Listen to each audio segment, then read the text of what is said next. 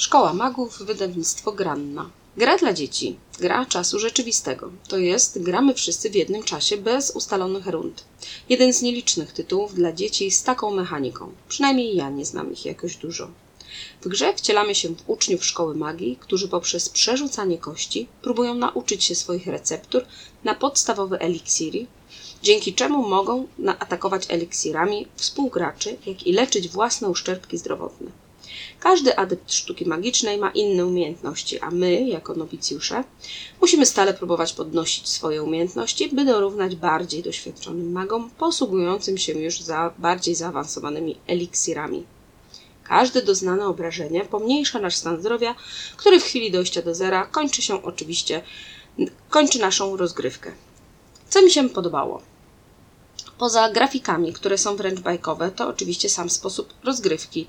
Nieczęsto spotykana mechanika przerzutu kośćmi, co działa na plus, ale i dla wielu na minus ze względu na losowość.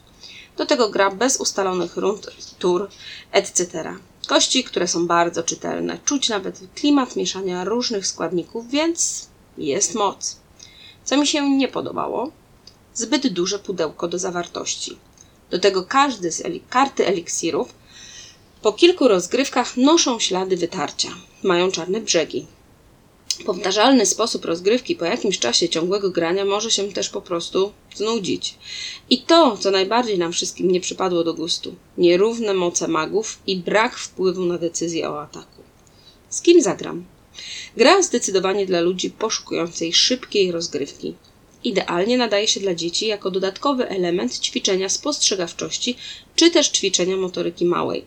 Pozwala również podejmować decyzje, co jak wiadomo u dzieci jest czasem dosyć trudne. W wyborze rzucanych czarów. Najlepiej sprawdzi się w gronie dzieci o podobnym wieku. Wiadomo, że młodszy gracz nie będzie w stanie tak samo sprawnie przerzucać kośćmi jak osoba starsza. Starsi gracze raczej nie pograją za dużo, chociaż my jako rodzice od czasu do czasu dla odstresowania się nie pogardzimy rozgrywką. Pierwsza myśl? Ależ klimatyczne grafiki. No i te kości. Cała masa kości i to na bardzo, bardzo wysokim poziomie wykonania.